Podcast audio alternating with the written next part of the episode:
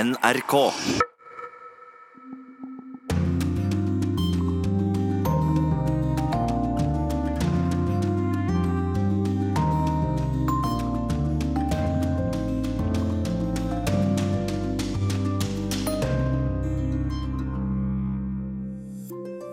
USA-støttede syriske opprørere skal ha tatt kontroll over den siste IS-enklaven i Syria.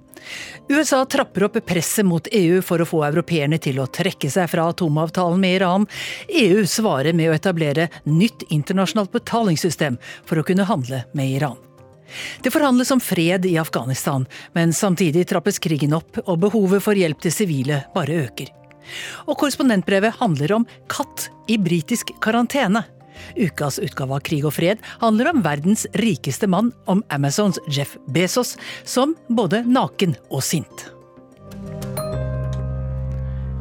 Velkommen til Urix på lørdag. Jeg heter Gro Holm. Nå i morges kom det altså melding om at den USA-støttede syriske opprørsalliansen CDSDF skal ha tatt kontroll over den siste enklaven kontrollert av IS øst i Syria. Det er den britiskbaserte organisasjonen Syrian Observatory for Human Rights som melder dette. NRK-medarbeider Eirik Veum har nettopp kommet ut av Syria og er nå i Irak. Og Veum, hva vet du om det som har skjedd i denne enklaven? Ja, denne meldingen kom jo for eh, et par timer siden, idet vi krysset grensen fra Syria og inn i uh, Irak. Det er ikke så uventet at eh, denne enklaven ble tatt. Det var bare et spørsmål om tid. Det er litt ulike opplysninger foreløpig. Ehm, det virker ikke som om man har kommet inn og tatt hele området, men at man muligens har satt i gang en beleiring. Kanskje man venter på at en del IS-krigere skal komme ut, og at de har overgitt seg. Den jobben eh, og den prosessen vil nok også ta en del tid. Hvis de ikke har drept alle disse 600 som var der, så, så skal hver og en sjekkes grundig. Og det skal også alle de sivile som kommer ut, for å sjekke at ingen IS-krigere skjuler seg blant dem. Så opplysningene som har kommet så langt, tyder på at nå er det over. Men eh, at man fortsatt driver da et, et, et arbeid for å rydde opp skikkelig og få, få fullstendig kontroll. Men, men, dette området som da så nå mye tyder på at de siste liksom, opprykkene eller kampene eh, pågår om, er dette det siste området eller er det den siste lommen som kontrolleres av IS i Syria? Nei, der var vi uheldige, gitt, og, og mistet uh, Eirik Veum. Vi skal prøve å komme ta, tilbake til han eh, litt, litt uh, seinere i sendinga, men uh, da går vi videre til neste, for denne uken holdt en rekke land, med Israel og USA i spissen, et viktig møte i Warszawa. Der oppfordret USAs visepresident Mike Pence USAs allierte i EU til å trekke seg fra atomavtalen med Iran og å støtte USAs sanksjonspolitikk. Samtidig diskuterte Irans president Syrias framtid med sine presidentkollegaer fra Tyrkia og Russland i den russiske byen Sotsji. Så hvor isolert er egentlig det iranske regimet, spør vår Tyrkia-korrespondent Sissel Wold. Irans utenriksminister Javad Zarif kunne koste på seg følgende kommentar fra Teheran denne uken.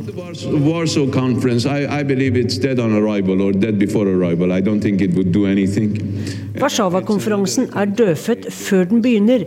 Den er nok et utspill fra USA som fortsetter å være besatt av Iran. Og Irans tilsynelatende joviale utenriksminister hadde muligens lite å bekymre seg over. For de viktige aktørene var ikke i Warszawa. EUs utenrikssjef Federica Morgerini kom ikke, og flere europeiske land sendte bare representanter fra lenger ned i systemet. For EU har protestert kraftig mot USAs Iran-politikk, siden de fleste europeiske ledere mener at verden blir et tryggere sted med Iran-avtalen. Og mens tungvekterne glimret med sitt fravær i Warszawa, der de skulle skape en front mot Iran, satt Irans president Hassan Rouhani sammen med Russlands president Vladimir Putin og Tyrkias president Tayyip Recep Erdogan i Sotsji for å diskutere Syrias fremtid. For Iran er en av seierherrene nå som Syriakrigen går mot slutten mens USA er på vei ut av Syria og har ingen innflytelse av betydning lenger i dette storpolitiske dramaet. Hva svarte Javad Zarif på spørsmålet om Iran kunne tenke seg å møte Trump-administrasjonen, muligens for å reforhandle atomavtalen? They decided to leave the negotiating table. So it's for them to return to the negotiating table. We and the rest of the international community are at the negotiating table. Det var USA som forlot forhandlingsbordet. Vi og resten av det internasjonale samfunnet sitter ved bordet. Det er opp til dem å komme tilbake. Svarte Irans utenriksminister. Da Trump proklamerte de siste sanksjonene mot Iran i november, var målet å ramme Irans livsviktige oljeindustri og senke landet økonomisk. Og også tredjepart, land som kjøper olje fra Iran, skulle straffes av USAs finansinstitusjoner. Men det skjedde ikke, for Irans største oljekunder får fortsette å importere iransk olje som før. USA ga dem unntak. Irans største oljekunder og handelspartnere er Kina og India. Tyrkia kjøper også olje fra Iran, og har gitt klar beskjed til Det hvite hus om at Tyrkia kjøper olje fra hvem de vil. Også Italia, Japan, Sør-Korea og Emiratene importerer mye iransk råolje. Regimet i Den islamske republikken er ikke isolert internasjonalt, men sanksjonene tynger det iranske folket. For presteregimet er upopulært innad, sier Nobels fredsprisvinner Shirin Ebadi. De økonomiske sanksjonene gjør folk fattige. Men de som har nære forbindelser til regimet, tjener på sanksjonene fordi de kan tjene penger på det svarte markedet mener den iranske menneskerettighetsadvokaten som bor i eksil i Paris.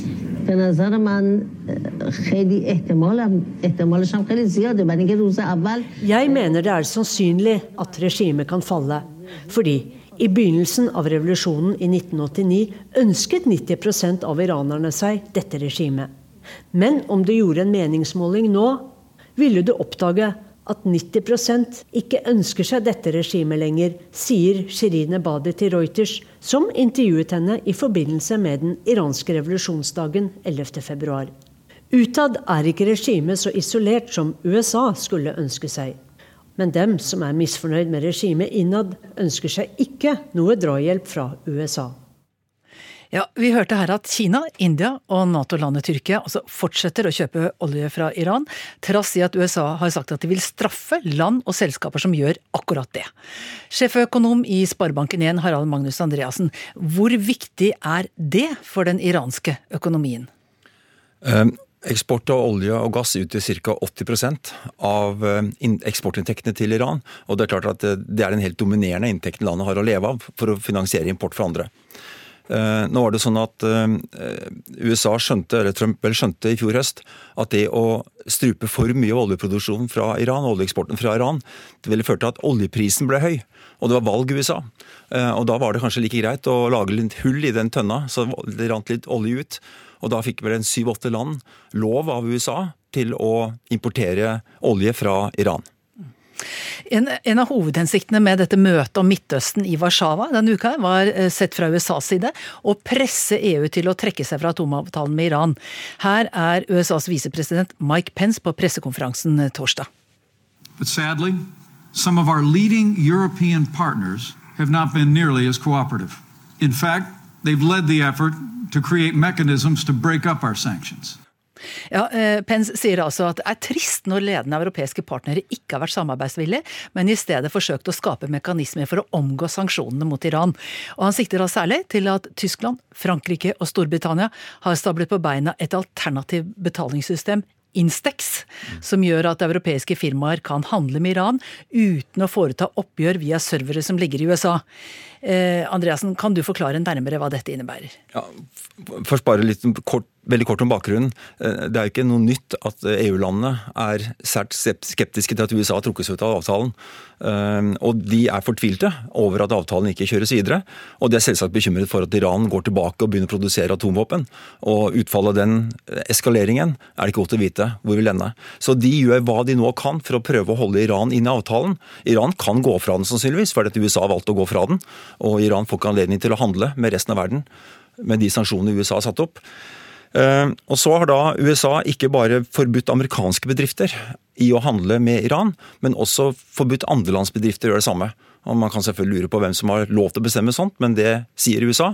Og de truer med, med straff og sanksjoner mot bedrifter som engasjerer seg i Iran. Er og, så er det vanskelig, og særlig er det vanskelig med finansiering av handelen.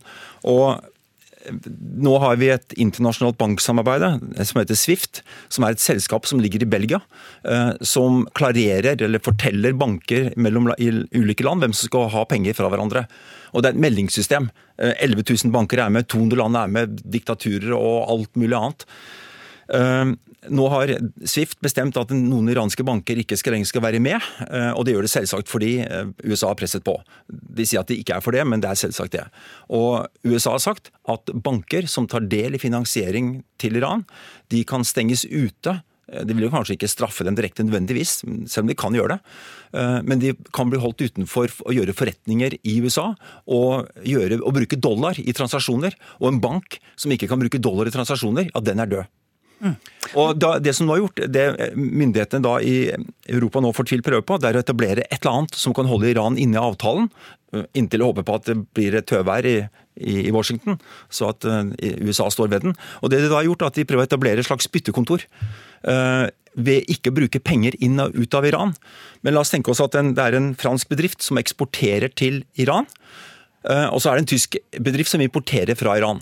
I stedet for at de bedriftene sender penger frem og tilbake over landegrensene, så gjør den franske bedriften opp med den tyske, og de to iranske opp med hverandre i Iran, slik at vi slipper å overføre penger over landegrensene mellom Iran og resten av verden. Det er dette Instex. Dette, dette? Instex-instituttet. Det Ja, det er så vidt på beina. Og og det er klart alle som ser på det skjønner at dette blir fryktelig vanskelig å få til. Og det kan ikke bli noen store volumer av det. Så det, jeg tror det er mer symbolsk karakter at man håper å holde Iran i varmen. eh, ved å vise at de mener alvor ved at de står bak avtalen. Ved å gjøre noe. Kort, eh, eh, hvordan tror du denne åpenbare interessekonflikten mellom europeiske selskaper og USAs politiske ledelse kommer til å påvirke forholdet mellom EU og USA på sikt? Altså Bedriftene må tenke som så at det er makta som rår. Eh, Og jeg tror ikke mange bedrifter vil tørre å gjøre forretninger med Iran av frykt for å bli rammet av det vi kaller secondary sanctions fra USAs side. Og særlig store bedrifter så er det nesten utenkelig å ta den risikoen, for at USA er mye viktigere enn Iran vil være. Og problemet er nå hvor, altså Den konflikten vi nå har mellom USA og, Iran, USA og Europa om Iran, er veldig dyptgående. Det går på viktige prinsipper. Det er til og med lovforbud i Europa mot å etterleve andre lands sanksjoner. Så det blir galt samme hva bedriftene gjør. Dette er litt sånn chickens race, da, chickens game. Hvem er det som kommer til å gi seg her? Og Foreløpig er kanskje togene såpass langt fra hverandre at de ikke kolliderer, eller bilene fra hverandre på, på veien. Så de ikke kolliderer riktig ennå. Ehm, og så håper jeg at det ikke går så fort at det kommer til en alvorlig konfrontasjon før eventuelt politikken i USA endres.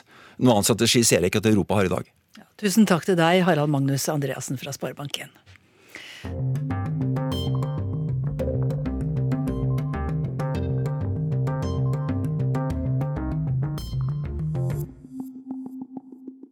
Da skulle vi igjen ha med oss Eirik Veum på, eh, på telefon fra Irak. Han har nettopp kommet ut fra Syria. Og eh, vi har han altså med for å snakke om eh, denne meldingen som kom i morges, at den siste av eh, IS-bastionene i eh, Syria skal være falt, eller i hvert fall det er like før den faller. Eh, Eirik Veum, du har jo besøkt eh, mange av disse områdene hvor IS, som IS har kontrollert tidligere, både hovedkvarteret i Raqqa og flere andre områder. Og hvordan er situasjonen der nå? Altså, blant befolkningen så er det først og fremst eh, stor lettelse over eh, at man eh, kom seg bort fra dette terrorregimet, som var det det var. Eh, og at IS ble- ble jaget vekk av eh, både koalisjonsstyrkene og, og militsgruppene.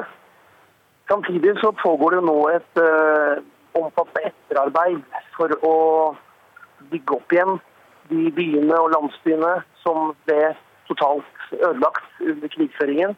Eh, IS eh, holdt jo stand, de var jo gode krigere. eh, Hadde et omfattende og betydelig våpenarsenal. Så ødeleggelsene i å jage de vekk er omfattende. Det er jo byer som er som spøkelsesbyer, hvor ikke et vindu er helt. Det knapt står en, en vegg som er urørt. Så Det er den ene delen av det. Det andre er jo at man leter etter alle de døde og savnede. Som, som IS tok til fange og, og med stor sannsynlighet tok livet av. Det åpnes massegraver. Vi var og besøkte en her tidligere uken hvor man fant altså 1500 lik. Og det arbeidet er omfattende. I tillegg så er det mange som har opplevd traumatiske ting som de har med seg. Altså, Man kunne gå en tur i parken, og på stakittgjerdene så var det avkappede hoder som, sto bortover. Noe da terrorgruppen IS gjorde for å skremme folk. Så dette er noe folk har levd med, og som vi nå må få bearbeidet. Og det siste er jo det å få kartlagt hva eh, IS-krigerne og deres støttespillere gjorde. Hvem de var, eh, hvem som gjorde hva og, eh, og, ikke minst den som støttet dem. Så, så det er et omfattende arbeid som pågår. Eirik Wem, eh, kort til slutt her. Eh, betyr dette at IS er nå helt slått, eller nesten slått i Syria? Er det den siste bastionen overhodet? Og, og, og hvordan kommer de til å kjempe videre eventuelt? Altså, det, det alle partene her nede er opptatt av, det er å si at dette er bare én del av å bekjempe IS. Fordi ideene de lever videre, selv om IS nå er nedkjempet militært. Og jeg møtte jo en IS-kriger eh, tidligere i uken, og han fortalte han satt i fangenskap, han fortalte at nå tar krigen en annen form.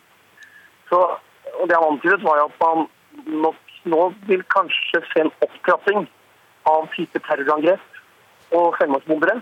Og det gjelder ikke bare Irak og Syria. Det kan gjelde alle de stedene og landene som har støttet kampen mot dem, også Norge. Takk til deg, Eirik Veum, på en litt dårlig linje fra Irak.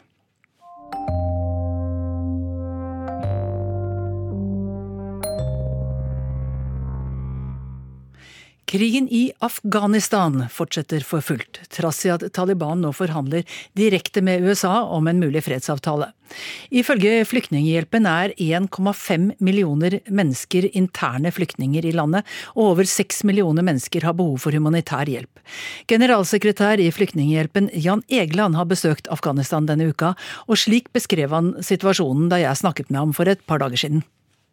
Nå er det en forverring av situasjonen her. Eh, mens amerikanere og Taliban sitter og diskuterer våpenhvile og en slutt på krigen, så har begge sider faktisk trappet opp fiendtlighetene. Så når jeg var i Oroskan, som er en av de verste konfliktområdene i Kandahar i sør, hvor det også er eh, veldig mye konflikt, så hørte jeg om folk som hadde blitt eh, kastet på flukt fordi deres landsbyer var blitt bombet fra luften. Altså Det er da fra regjeringsluftvåpenet og fra amerikanske luftvåpenet. Eller eh, andre som var kastet på flukt av Talibanen, som nå òg er på offensiven mange, mange steder. Så det er hundretusener som er på flukt, eh, og de har ingenting. Hva slags eh, hjelp er det nå behov for? Det er hjelp eh, for eh, mer humanitær hjelp i første omgang. Og i de områdene som vi kaller for de vanskeligst tilgjengelige, hard to reach-områder. Altså, Urosgan er en provins. Der er det én internasjonal hjelpeorganisasjon, og det er Den norske flyktninghjelpen. Vi har 15 ansatte der. De er totalt overveldet. Eh, det er for lite humanitære penger. Det, altså det slår meg hvordan kunne vi ende opp i en situasjon hvor det brukes titalls milliarder dollar i året på et militært felttog som har vært lite vellykket, for å si det mildt. Og så er det vanskelig å få 200-300 millioner dollar til å hjelpe de mange, mange millioner ofrene fra denne krigen. Proporsjonene har vært totalt eh, forfeilet i Afghanistan i lang tid. Det har vært altfor lite fokus på de som har det verst, nemlig ofrene for krigen.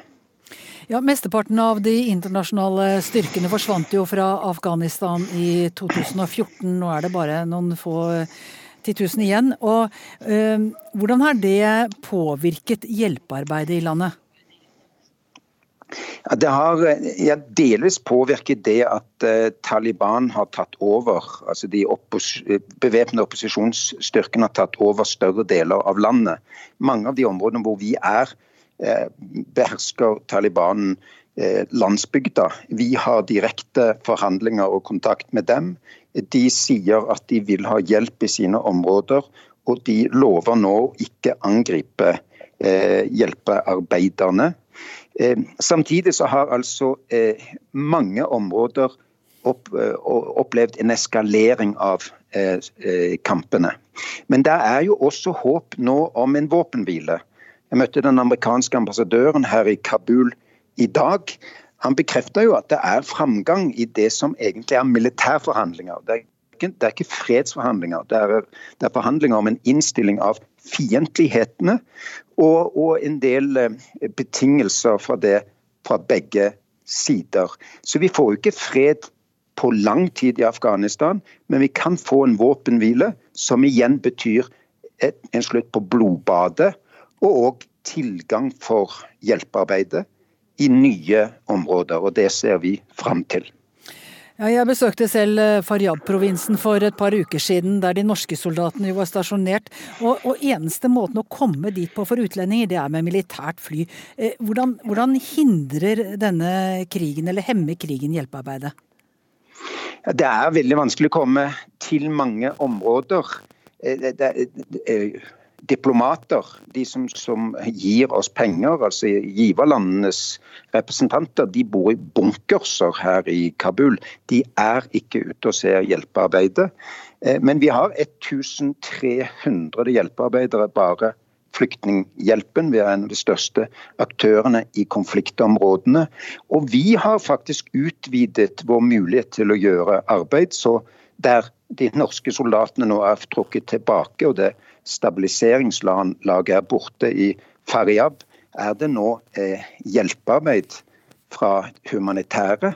Men det er uhyre vanskelig, og vi føler oss ofte svært alene sa Flyktninghjelpens eh, Jan Egeland. Afghanistan er et av de store temaene på den internasjonale sikkerhetskonferansen i München som pågår nå, og i går var det møte mellom Afghanistans president Ashraf Ghani og generalsekretær i Nato Jens Stoltenberg. Europakorrespondent Philip Lote møtte dem begge etter møtet for å høre hva som må til for at Taliban og regjeringen setter seg ned rundt samme forhandlingsbord. Den afghanske regjeringen må inn i fredsprosessen dersom det skal bli en vellykket og bærekraftig eh, prosess som gir en ordentlig avtale. Det som er viktig, og som i hvert fall er eh, litt lovende, det er at det nå for første gang er ordentlige samtaler mellom USA, ledet av en som ambassadør Khalisad, og, og Taliban. Det er altfor tidlig å si om det lykkes, men det er i hvert fall et ordentlig seriøst forsøk. Nato er involvert i det gjennom at vi jobber nært med ambassadør Khalisad. Eh, og så får vi håpe at det er grunnlaget for en fredsprosess der også selvfølgelig den afghanske regjeringen er med. Tilbaketrekning er et stikkord. En timeplan for når amerikanske og Nato-styrker skal være ute av Afghanistan, er et hovedkrav fra Taliban, før de vil forhandle med regjeringen i Kabul. Og testen om et Taliban delt opp i ulike fraksjoner og klaner er i stand til å gå samlet til forhandlinger, er ikke så vanskelig, sier president Ashraf Ghani. Det handler om ikke å sprenge moskeer, skoler og sykehus. Action on the ground. You know, civilians up, hospitals have been attacked, schools, mosques, etc. Stopping all this is, is not rocket science, and verifying this also is not rocket science. Ghani sier at en fred i Afghanistan ikke er en ligning hvor USA og Europas interesser ikke er med. Det handler om å redusere terror. Europe and the United States largely have been secure after 9/11 thanks to this engagement. So there is common interest. The question of security of Europe and the United States must be part of the equation that, that is dealt with. Taliban har krevd en eh, tidsplan eh, for en tilbaketrekning av eh, internasjonale allierte styrker, altså Nato-styrker, amerikanske styrker fra Afghanistan. Er dette et realistisk krav? Altså Spørsmålet om Nato-styrker og internasjonale styrkers tilstedeværelse er jo, eller kommer til å være en del av en, en, avtale. Men ting henger sammen. Det er jo ikke slik at vi kan bare trekke oss ut, og så risikerer vi at Afghanistan igjen blir et oppmarsjområde for internasjonal terror. Og afghanerne selv er jo ekstremt opptatt av demokrati, menneskerettigheter, ikke minst kvinners rettigheter. De har sett hva Taliban har betydd før for kvinner. Eh, menneskerettigheter. og Derfor er det slik at man må få disse tingene til å henge sammen. Man må få samtidighet i forskjellige elementer før man får en avtale. Vi gikk inn i Afghanistan sammen, og vi kommer til å ta beslutninger om vår framtidige tilstedeværelse sammen. Og vi kommer til, når den tiden er riktig, også trekke oss ut sammen. Det er hele poenget med at vi opptrer som et fellesskap.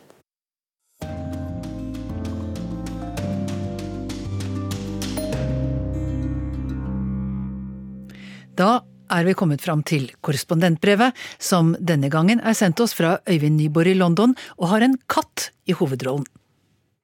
Vi har et problem, sa tollerne på Heathrow flyplass og nektet Marte adgang til Storbritannia. Jeg hadde gledet meg sånn til at Marte endelig skulle gjenforenes med familien sin her i London. Det siste året har hun vært i Oslo og blitt passet på av venner og kjente, mens jeg har vært i London som NRKs korrespondent. Jeg satte meg så i bilen og reiste ut i Heathrow, dit hun var kommet med fly. Trakk kølapp på dyremottaket, og så var det bare å vente. Mitt korrespondentliv kretser rundt brexit for tiden. Brexit medfører strammere innvandringspolitikk, men jeg håpet jo på at det ikke ville gjelde for dyr. Omsider kom det ei dame ut med et skjema i hånden. Marte var landet, hun hadde fått mat og vann, buret var rengjort, og alt sto etter forholdene bra til etter flyreisen fra Norge. Det var bare det at jeg nok ikke kunne få henne med meg hjem likevel. Marte hadde ikke passet sitt i orden, og ble derfor nektet innreise til Storbritannia. Storbritannia er annerledeslandet også når det gjelder kjæledyr. Dette hadde naturligvis vi sjekket opp på forhånd. For at katter skal få komme inn i landet, må den bl.a. ha tatt rabiesvaksinen minst tre uker før ankomst. Vi hadde alt på det tørre der, og jeg må innrømme at jeg hisset meg en smule opp overfor tolleren på Heathrow. Men se her, sa hun og pekte på et lite klistremerke i passet til Marte. Vaksinen ble tatt 3. januar. Det er innenfor treukersfristen, men vaksinen som ble brukt, gikk ut 8. desember, sa tolleren på dyremottaket og la til. Hun får ikke komme inn i landet. Hun må ha karantene i 21 dager. Min verden raste sammen der og da. Jeg som aldri hadde forstått poenget med en katt i utgangspunktet. En hund kunne jeg til nød forstå nytten av, men en katt, liksom. Nå raste tankene om at ikke bare var katten allerede traumatisert av å ha sittet i flere timer i et iskaldt bur i et fly over Nordsjøen. Den var også i en sårbar situasjon med å skulle flytte til et annet land, et hus, et hjem og en hage den ikke kjente fra før. Jeg så bedende på tolleren på Heathrow. Det var snakk om en forskjell i datoer på bare noen uker. Det kan da ikke ha noe å si, sa jeg forsiktig. Dette vil aldri passere vårt papirsystem, sa hun med stram stemme. En dyrlege i Oslo hadde altså gitt en vaksine innenfor fristen, men vaksinen var altså så vidt gått ut på dato. Jeg måtte reise hjem fra Heathrow uten pus. Som nevnt er det ikke bare bare å ta med seg katten til England. Britene er, selvsagt, ikke med i det europeiske Schengen-samarbeidet, og det er derfor ikke bare å ta en katt under armen og sette seg på et fly til London. Hun må først ha det omtalte dyrepasset sitt i orden med nødvendige vaksiner. Så kjøres til Gardermoen, og derfra måtte hun fraktes som flykargo til Storbritannia, som en hvilken som helst pakke i en konteiner. Billetten kostet rundt 9000 kroner én vei. I tillegg måtte hun ha nytt bur, for buret vi hadde viste seg å ikke være stort nok. Det ble 1000 kroner til, på toppen av tusenlappen til vaksine og pass. Med stort og smått ble det altså 11 000 kroner for å få en katt med seg til London. Vi snakker ikke her om en hvilken som helst rasekatt, men om en ekte huskatt. Mora bor ned i gata for oss i Oslo, men ingen har vedkjent seg farskapet. Hun er rufsete, røyter mye og ble påkjørt som liten, men vi er glad i henne for det. Et par-tre ganger har hun kommet hjem fra jakt med en mus i munnen, som hun har drept for moro skyld, så det er helt klart at hun også er over gjennomsnittet intelligent. Ti lapper kan derfor umulig være for mye for å ta henne med til London. Men nå blir regningen mer enn doblet. For et opphold og en ny vaksine på en kattekennel utenfor London koster rundt 15 000 kroner. Dermed er vi oppe i 26 000 kroner, og da har jeg ikke tatt med egne transportutgifter. Heldigvis har dyrlegen i Oslo sagt at hun vil dekke merkostnadene på 15 000 for kennel etter vaksinetabben sin. Jeg tror knapt det er noe land som er mer opptatt av kjæledyr enn britene.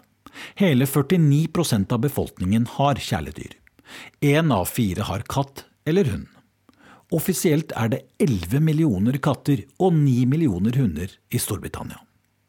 Det er f.eks. kåringer av de mest hundevennlige pubene, men også den skjønneste og mest lydige pubhunden.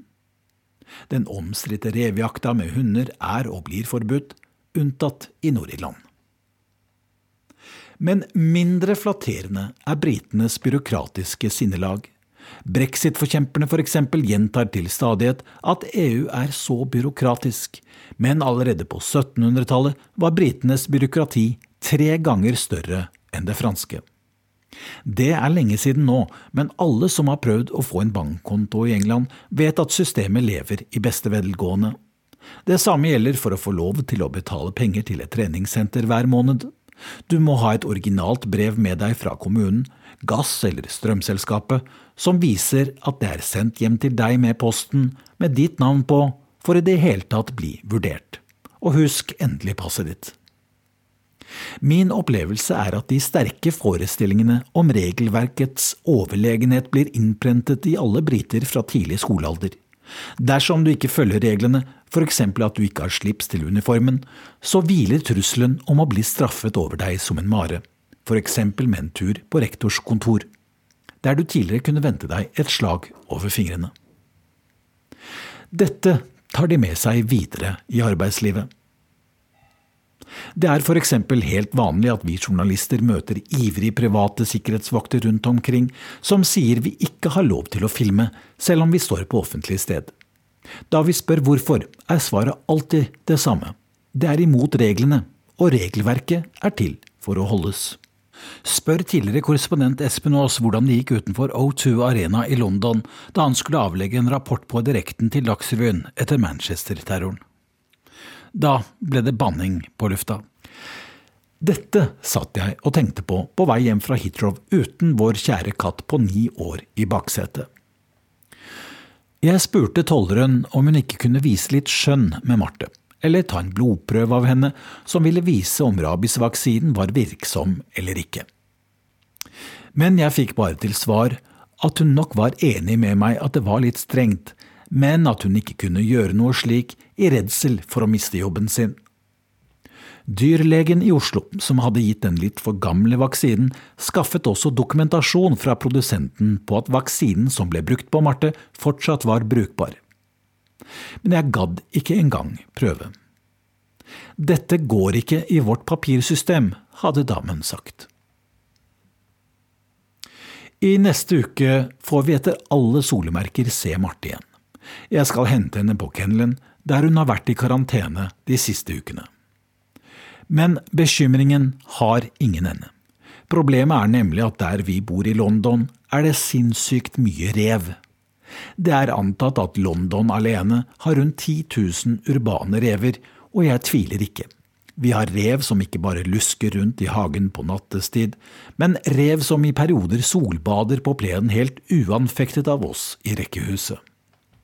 Nå er spørsmålet om Marte vil overleve revene. Dama i kassa på dyrebutikken sier hun ikke tør la sine katter bevege seg utendørs i vårt område. Men å ikke være ute vil jo være drepen for vår norske utekatt. Det finnes heldigvis forskning på området. Den sier at kattene er kjappe, og så lenge det er trær i nærheten, kan den rømme opp i dem. Så det er ingen fare. Vi har trær, og vi har ikke tenkt å slippe Marte ut på vift med det aller første.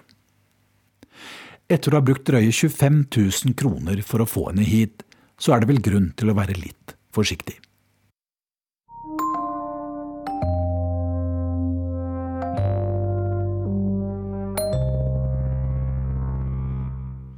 Da er det tid for ukas utgave av Krig og fred. Tittelen er Verdens rikeste mann, naken og sint. Tenk deg at etter 25 års ekteskap så står du plutselig midt oppi ei skilsmisse. Og dessuten har du en elskerinne. Og så tar du noen nakenbilder av deg sjøl med mobilen og sender dem til elskerinna. Men bildene havner hos den drøyeste sladreavisa i hele landet, som truer med å publisere dem. Alt dette skjedde nylig verdens rikeste mann. Kanskje ble han redd, men han ble også skikkelig sinna. Og i motsetning til deg og meg, så hadde han alle muligheter til å ta opp kampen. Krig og fred med Tove Bjørgaas og Tore Moland.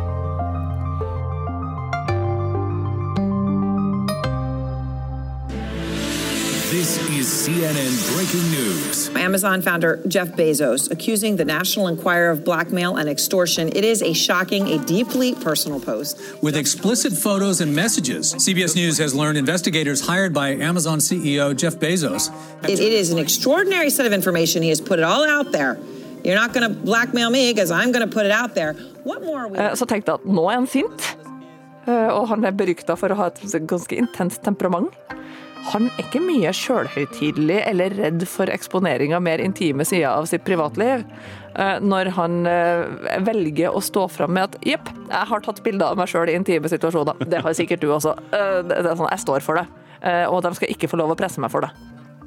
Jeg syns det er ganske tøft. Jeg heter Ingeborg Wolan. Jeg er redaktør for leserengasjement i Dagens Næringsliv, og har fulgt med på hvordan teknologi forandrer verden i de siste ti åra, bl.a. som leder av et lite team i NRK som heter NRK Beta. Jeff Bezos har rett og slett tatt tyren ved hornene, om du vil, og offentliggjort sjøl i et blogginnlegg at han ble utpressa av folk sentralt i dette eierselskapet bak National Enquirer, som da tydeligvis satt på intime bilder av Jeff Bezos som han har sendt til denne elskerinna si. Altså rett og slett selfies i ulike positurer, og det er noen veldig grafiske beskrivelser av de der bildene. Det morsomme er at bildene finnes ikke, men beskrivelsene av bildene finnes. Ja, og Jeff Bezos legger dem til og med ut Ja, sjøl. ja, ja, han publiserer alt! Og det er det som er så fascinerende, da. Jeg, jeg tror han rett og slett bare tenker at jeg er verdens rikeste mann.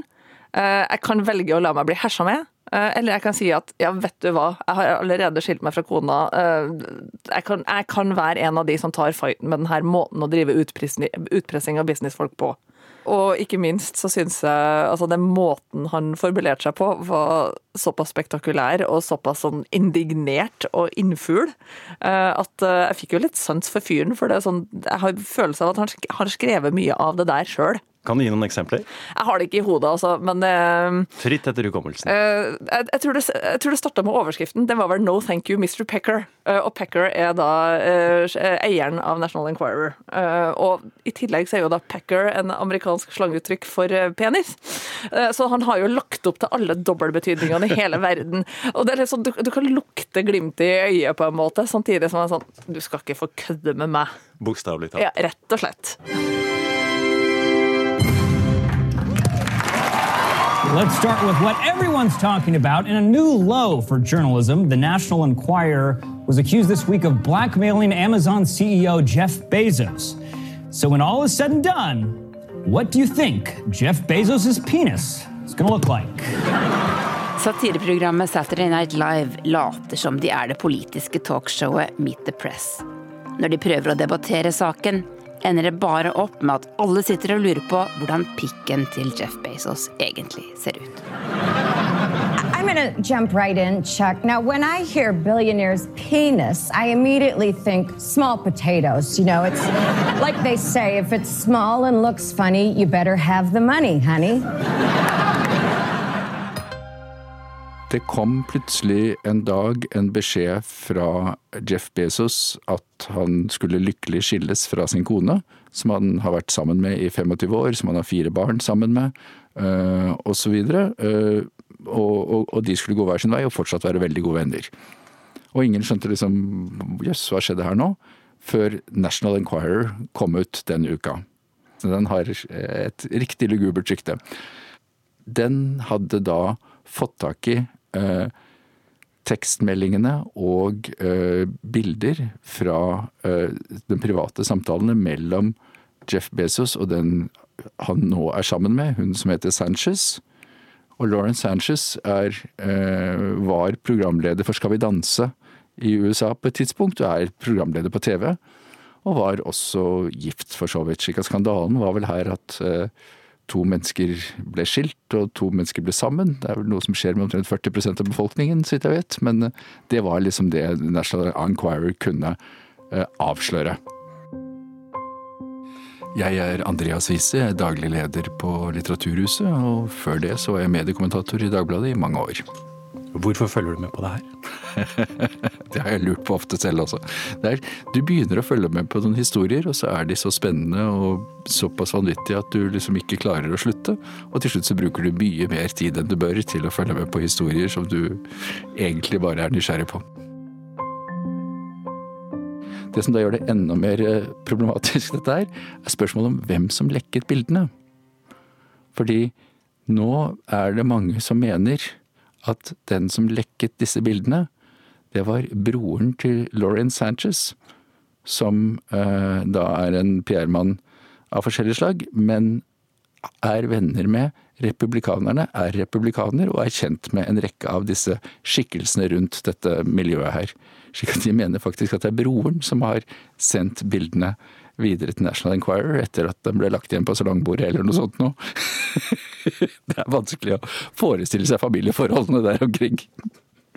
Når disse, øh, denne historien med, med hun Sanchez og sånn ble avslørt til National Enquirer, så gikk altså Trump ut og jublet på Twitter, for å si det sånn, at, at Bezos var tatt. Og mye bedre journalistikk enn det han, den der møkkavisa til Jeff Bezos driver med, osv. sånt noe. Ja, for Donald Trump han uh, har venner i The National Enquirer. Ja, Pecker er en venn av ham. Altså, det, de har vært venner, ikke sant. Men, uh, og hjulpet ham unna, unna disse uh, elskerinneaffærene med utbetalinger og den type ting. Slik at han har venner der, og han ble solid støttet av National Enquirer under valgkampen. Hva er forholdet mellom Jeff Bezos og president Donald Trump, egentlig? Det er et dårlig forhold. Eh, for å bruke mitt renteeksempel, eller noe sånt, nå, så er jo da faktisk Jeff Bezos så rik at bare renteinntektene hans hvert år ville være langt over Donald Trumps formue. Eh, jeg vet ikke om det plager Donald Trump eller ikke, det skulle ikke forundre meg om det gjør det. Men eh, det som virkelig plager ham, er jo at, Trump, at Bezos eier Washington Post. Og han mener at Bezos bruker Washington Post til å forfølge ham. Alle som har vært i nærheten av Washington Post og sånn, sier at Bezos ikke legger seg inn i noe av det Washington Post skriver på innholdssiden. Han hjelper dem på teknologien og på den typen ting, men han har ingenting med redaksjonelt innhold som sier. Det er det de sier, mens Trump føler seg personlig fulgt av Bezos, og går etter Bezos i mange av sine eh, tweets, ikke sant. He bought the Washington Post to have political influence. If I become president, oh, do they have problems? They're going to have such problems. Han har vel lenge hatt en feide med Donald Trump. Eh, så til de grader at Donald Trump har jo i forbindelse med sin valgkamp f.eks. Eh, vært tydelig på at han vil ut og regulere Washington Post, han vil, regulere, han vil regulere Amazon. Og mye av det her handler jo om at eh, Jeff Bezos kjøpte Washington Post, og Washington Post har vært veldig kritisk til Donald Trump. Så Donald Trump har sett Jeff Bezos som en fiende. Og Jeff Bezos har ikke gjort noe for å mildne det inntrykket. Han er så mektig at han rett og slett helt glatt kan legge seg ut med presidenten i USA, da. Ja, og sånn fra utsida i hvert fall, så kan du også få et inntrykk av at og han tar ikke en karamell for å minne deg på det heller. Eh, for han har hatt noen sånne utsagn om at eh, hva ekte milliardærer eh, vet og kan og litt sånne ting. Og det faller ikke helt i god jord hos denne presidenten. Så han har slengt litt med leppa innimellom også. han får av og til litt som fortjent.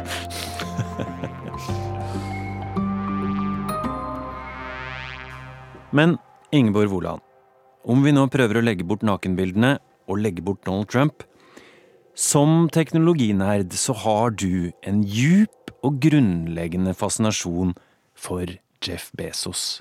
Hvorfor det? Jeg syns Jeff Bezos er veldig spennende fordi han er en litt annerledes teknologigründer, og han leder et selskap som er enormt mektig, men som ofte går litt under radaren når vi snakker om de her store tech-gigantene, for da snakker vi om Facebook og Google, og hvis vi husker på dem, så sier vi Microsoft eller Apple. Eh, men Amazon er kanskje vel så viktig som noen av de andre amerikanske gigantene. Hva var det Jeff Bezos skjønte som ingen andre skjønte? Jeg tror han kobla forståelsen av internett og teknologi med denne business-sansen sin på en måte som eh, ingen av de her tidlige egentlig gjorde. fordi du snakker om eh, Apple eller Google eller sånt, så ville de først og fremst lage forbrukerprodukter som de sjøl kunne bruke. Jeff Bezos gikk inn i det fra et mer sånn investeringsperspektiv og si hvor er det mulig å bruke internett til å få skalafordeler? Um, og selge noe som er helt standardiserbart, sånn at du tør å kjøpe det på internett. Vi skal huske på at i 1994 så var det jo vanskelig å handle ting på internett. For, at, eh, for det første så var ikke logistikken god, for det andre så visste du ikke om det du så på internett var det du fikk, og det, hvordan skal du vite om den kjolen eller de skoa eller den blomsten ser ut sånn som den gjør. Så da var Bezos genial og sa bøker. Bøker er like uansett. Og det var bakgrunnen for at de starta Amazon. Går du tilbake til 1994, så jobba han i et hedgefond i New York, og så fant han ut at han ville gjøre noe annet. Og slik myten går, jeg er aldri sikker på om det er PR-byrået eller om det er uh, sannheten dette her, så satte han og kona seg inn i en bil og kjørte over USA mens hun kjørte, og han skrev forretningsplanen i passasjersetet, før de kom frem til Seattle, hvor de selvsagt startet opp Amazon i en garasje. Alle datafirmaer i USA noensinne har alltid startet opp i en garasje. Og det han skjønte, var at det gjelder to ting er viktige når internettiden begynner og det er å være først og størst. Og det er ikke så farlig å tjene penger eller ikke i starten, det er viktig å bare vokse og vokse slik at du blir størst, slik at du blir den folket går til for å handle. Og hvis du får den størrelsen, så kommer pengene etter hvert. Og dermed så blødde han underskudd i mange år, men fikk investorene med på dette her, fordi de så at dette kunne bli stort rundt når, når, tiden kommer. Men da han hadde de første investorene, så, så sa han til dem at det er 70% sjanse for at jeg går konkurs.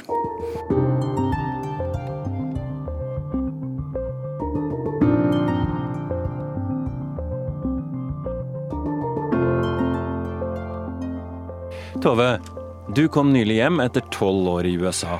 Hva ble ditt forhold til Amazon i løpet av den tida? Jeg ble helt avhengig av Amazon. Det var en, på en måte en totalleverandør i mitt liv. Jeg brukte Amazon til å kjøpe det aller meste av det jeg trengte, også til å kjøpe mat etter hvert. Jeg brukte Amazon Prime til å se på TV, strømme TV-serier og filmer. Jeg leste Washington Post, som Jeff Bezos eier, og hvis du er såkalt Prime-kunde hos Amazon, så får du et gratis abonnement, nettabonnement på Washington Post.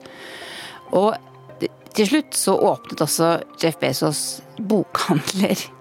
Amazon fysiske bokhandler eh, som jeg gikk i, da. Eh, fordi han hadde fått lagt ned de gamle bokhandlene.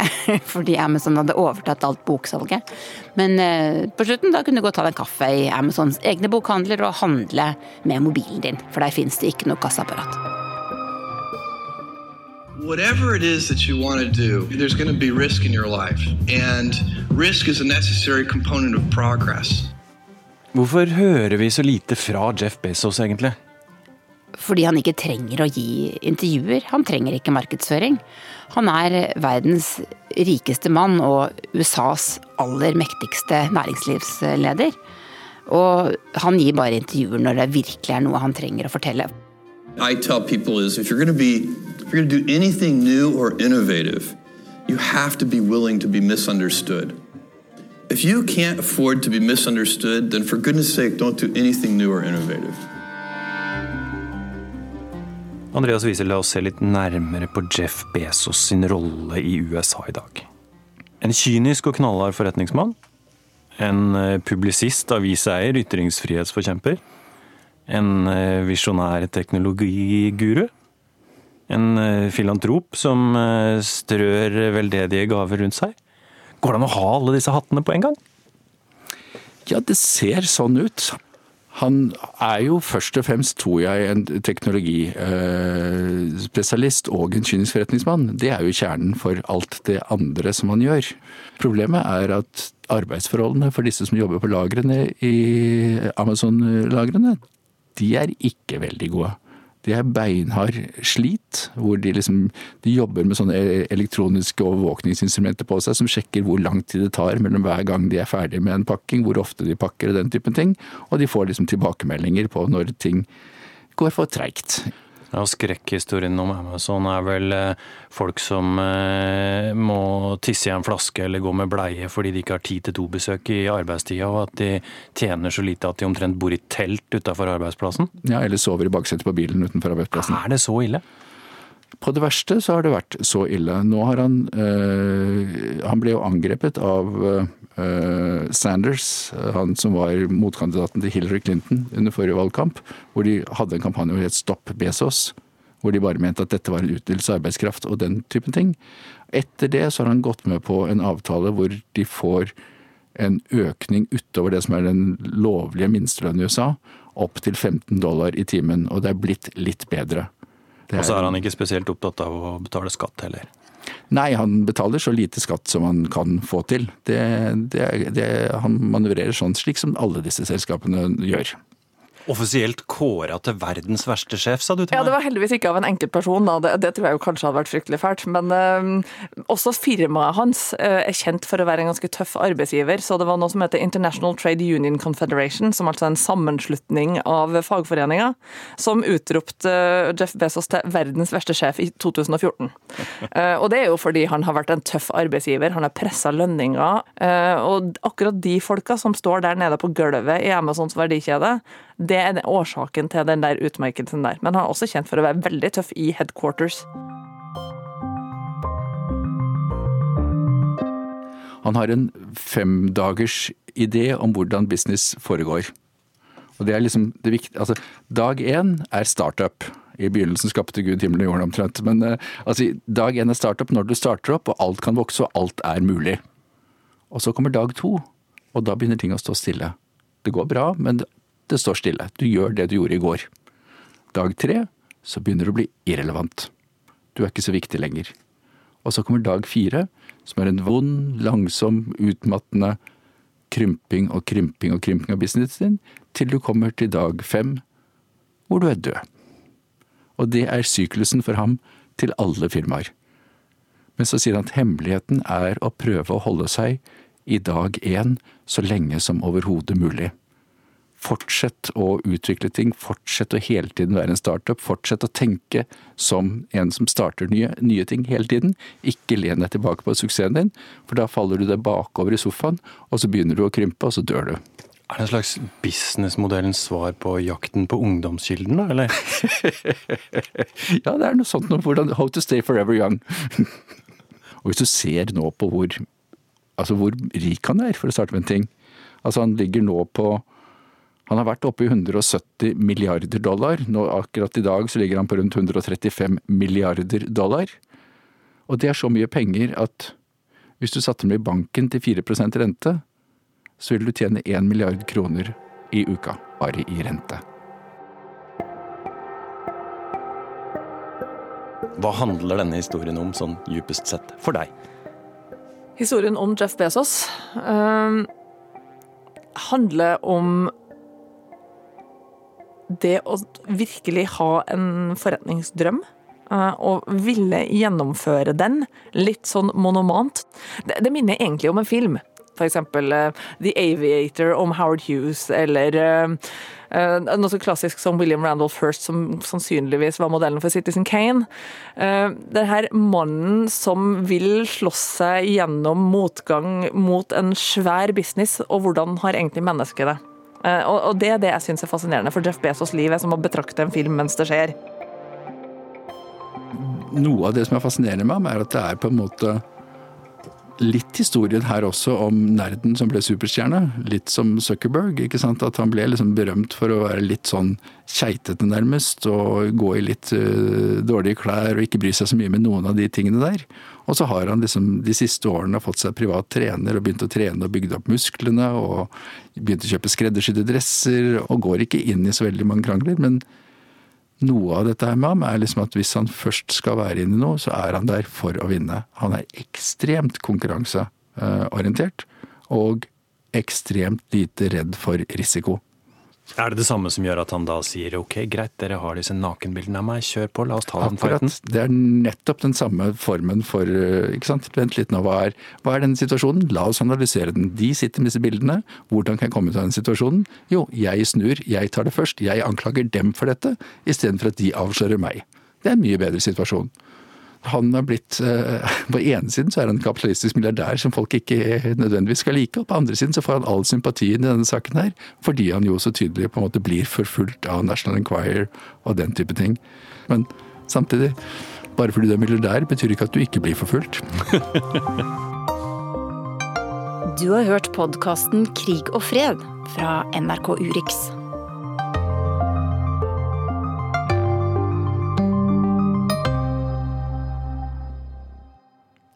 Og helt på tampen tar vi med at presidentvalget i Nigeria er utsatt med en uke. Det ble kunngjort bare timer før stemmelokalene skulle åpne i dag.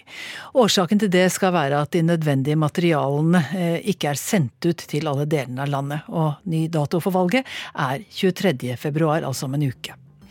Denne utgaven av Urix på lørdag er slutt. Teknisk ansvarlig Lisbeth Sellereite, produsent Katrine Nybø, og i studio jeg, Gro Holm.